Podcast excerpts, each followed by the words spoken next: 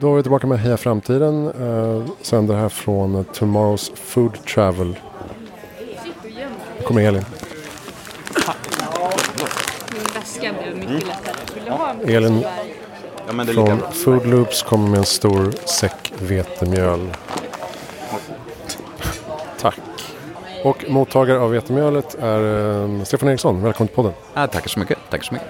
Vi står här på konferensen Tomorrow's Food Travel där du har pratat lite om eh, råvaror och råvarans framtid. Ja, men visst. Det har ju varit eh, uppdraget och eh, på något sätt blir alltid, när det blir framtid och råvaror, då tänker jag alltid lite så här, "Nej, nu måste vi backa bandet. Så känner jag direkt. Det blev lite eh, provocerande nästan. Så här, back to basics. Sol, jord, vatten, mikroorganismer. Ja. ja, men verkligen. Det blir liksom så, det är så lätt att gå vilse i allting. Och framförallt när man ska prata framtiden ska det vara så ska vara något som inte är så långt fram, alltså något tekniskt gärna och något, något, något slags under som ska rädda oss när vi har liksom svaren. Typ. Sen så behöver vi såklart modernisera mycket, men det är ju en annan fråga. Och det är en sån grund och bas som jag tror är bra att utgå från av det jag har lärt mig. Liksom. Just det. Ehm, årets kock 2005 va?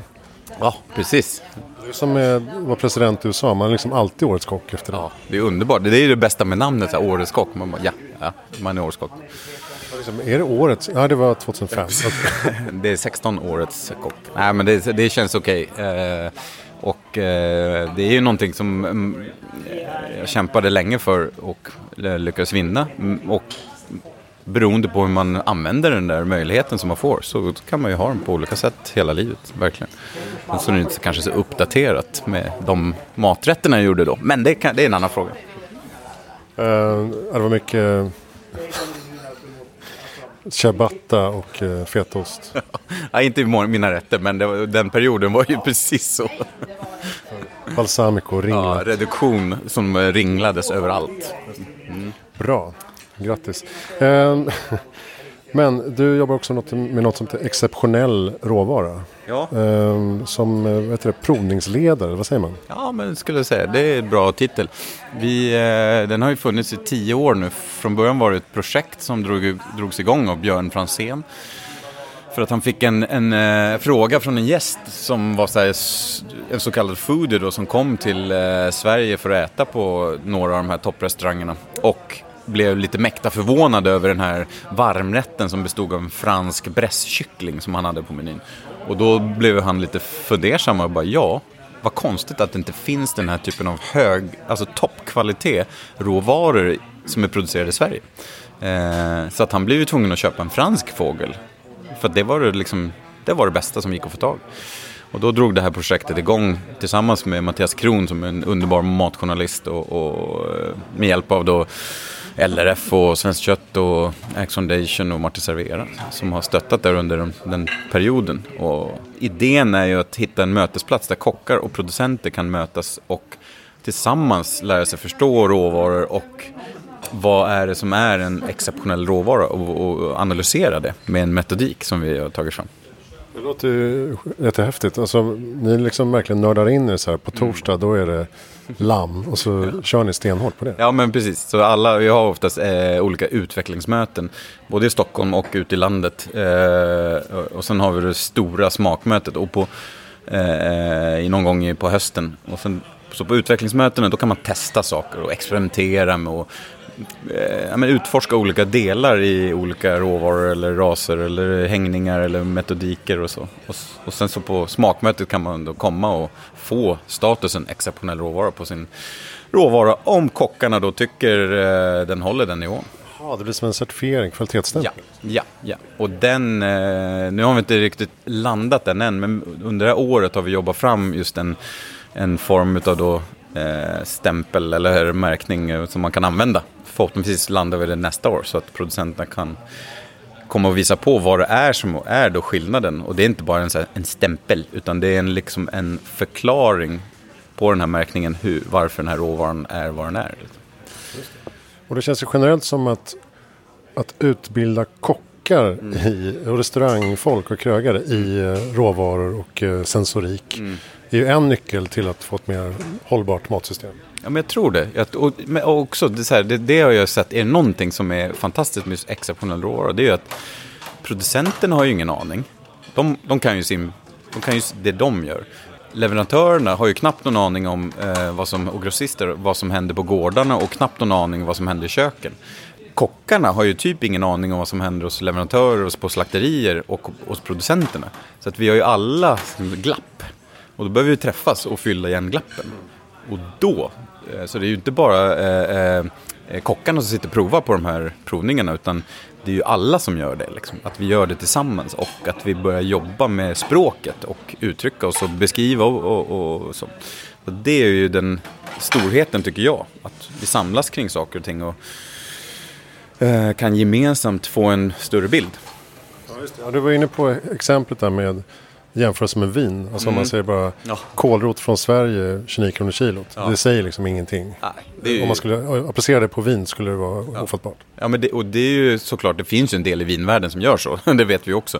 Den här boxutvecklingen till exempel som är hemsk. Eh, Men eh, det finns ju också en annan del i vinvärlden som är extremt detaljrik och de håller ju på på en nivå som är, är jättespännande och framförallt förklarar skillnaderna.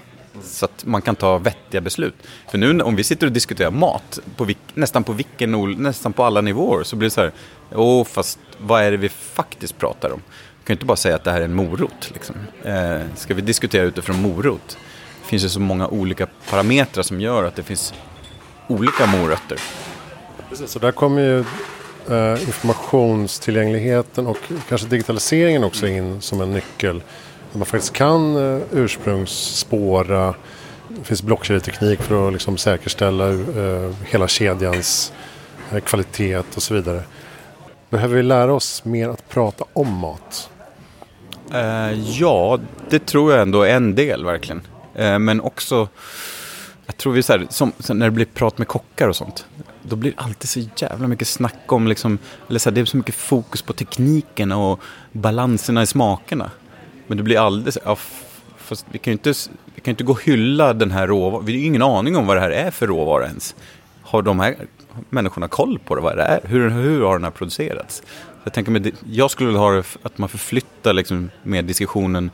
Eh, det är ju viktigt med tillagningen och smaksättningen, och så, men själva hur den är producerad då? Det är ju där eh, det avgörs och där gör ju många kockar massa val och inköp baserat på ett, en råvara och ett land och ett pris. Det är ju rätt fattigt liksom. Det blir ju ingen, det är ju jättesvårt.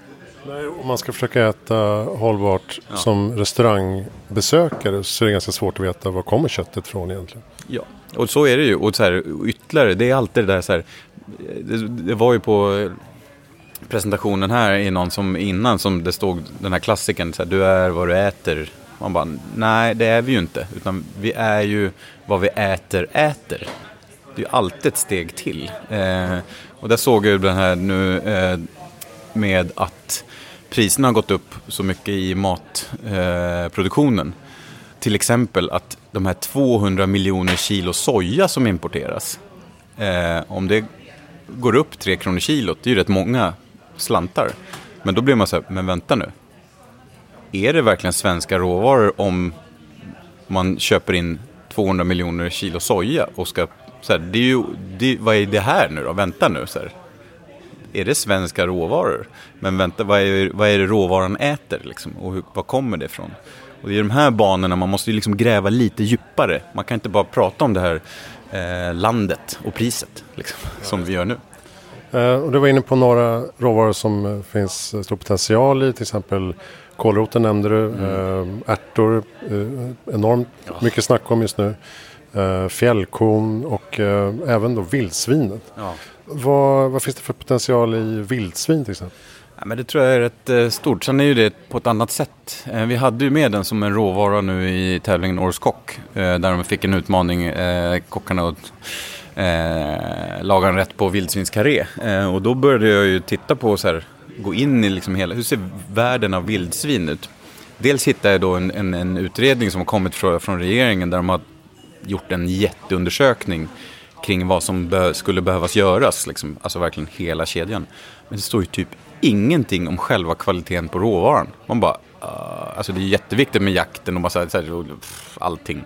Själva råvaran i sig, vi måste utveckla råvaran och då måste vi hjälpa till att beskriva den och förstå vad det är för skillnader. För nu, just nu, man, jag, jag har scoutat av marknaden, jag lovar. Går du i butiker, går du i olika, eh, eh, hos leverantörer, hos slakterierna, hos alla egentligen som säljer vildsvin, så står det bara så här vildsvinskött. Mm. Och då, hade, då gjorde vi en liten enkel demonstration här för några veckor sedan i, i, eh, tillsammans med hela kedjan där vi samlades i Örebro och där Länsstyrelsen och, och eh, Agro Örebro har dragit ihop den här dagen med hjälp av eh, mig och Fredrik som jobbar med exceptionell råvara. Eh, och hade en enkel provning med fyra olika eh, vildsvinsklassningar som man skulle kunna dela in det. Och sen ställa frågan bara, ja, hur, hur alltså förstår ni nu, så här, det här säljs som vildsvinskött. Eh, det här är ju, bara de vi har provat idag, är ju fyra helt olika råvaror och produkter. Eh, och då blir ju alla så här, ja, det här är ju konstigt. Och den, det är ju den utvecklingen jag vill se. Och så är det egentligen på alla råvaror. Och när vi testade nu vildsvinet så hade vi ju en liten gris, eh, rödgris eller randig eller vad man vill kalla den. Eh, vi hade en brungris, alltså en årskulting. Vi hade en, en sugga och vi hade en galt. Och där vet vi också, många jägare, de säger nej men sugga, de här stora, det är ju inget, det går inte att äta liksom. Det, det är ju fantastisk råvara. Och galten var ju helt, det är ju riktigt bra. Och där är ju många som eh, att, tror inte att man kan ta hand om de här råvarorna och använda dem. Så det är mycket myter. Mm. Vad gör man som eh, privatkonsument då med eh, vildsvinskött om man får tag på det i butiken? Eh, om man ska, hur man ska tillaga det? Eh, eh, ja, det beror ju på. Okay, ditt bästa recept? jag tycker det är ju väldigt gott att bara steka eller grilla det rakt upp och ner. Salt på, pang. Om det är en bra råvara. Eh, och där har vi ett problem, problem med att hela den världen, det är lite så här. Eh, man tar allt vildsvinskött. Eh, man kanske har du tur så kan du köpa det vackat och eh, färskt. Men nästan allt fryses liksom. Och det är sällan att du får tillgång till en topp, vad är toppkvalitet på ett vildsvinskött? Och då har vi fått lite prover från olika eh, slakterier eh, som är helt, de är helt otroliga. Och där man kan hänga dem länge och, och så vidare. Man jobbar med vidare arbetning. Och det är där vi skulle, det är där kockar, då blir kockar så va? Vad fan är det här? Vad, vad är det här? Det är ju helt otrolig kvalitet. Man bara, mm, men det är för att alla har bara gjort på ett sätt. Men man kan också göra, få fram en annan kvalitet. Krävs kunskapshöjning i hela ledet då, så att ja. säga, för en ny råvara som det här är. Ja, och för många olika nya råvaror. Då har vi plötsligt så här, eh, för först har vi de här kategoriseringen då i olika storlekar. Och sen har vi olika vikter. Sen har vi olika årstider på året. Och sen har vi olika platser vart de är jagade. Alltså du vet, så här, plötsligt har du ett jävla systembolag av bara olika vildsvinskvaliteter. Liksom. Med de orden avrundar vi. Eh, tack snälla Stefan Eriksson för att du gästade Heja Framtiden. Tack så mycket. Här är Christian von Essen från eh, Tomorrow's Food Travel. Vi hörs nästa vecka med något annat.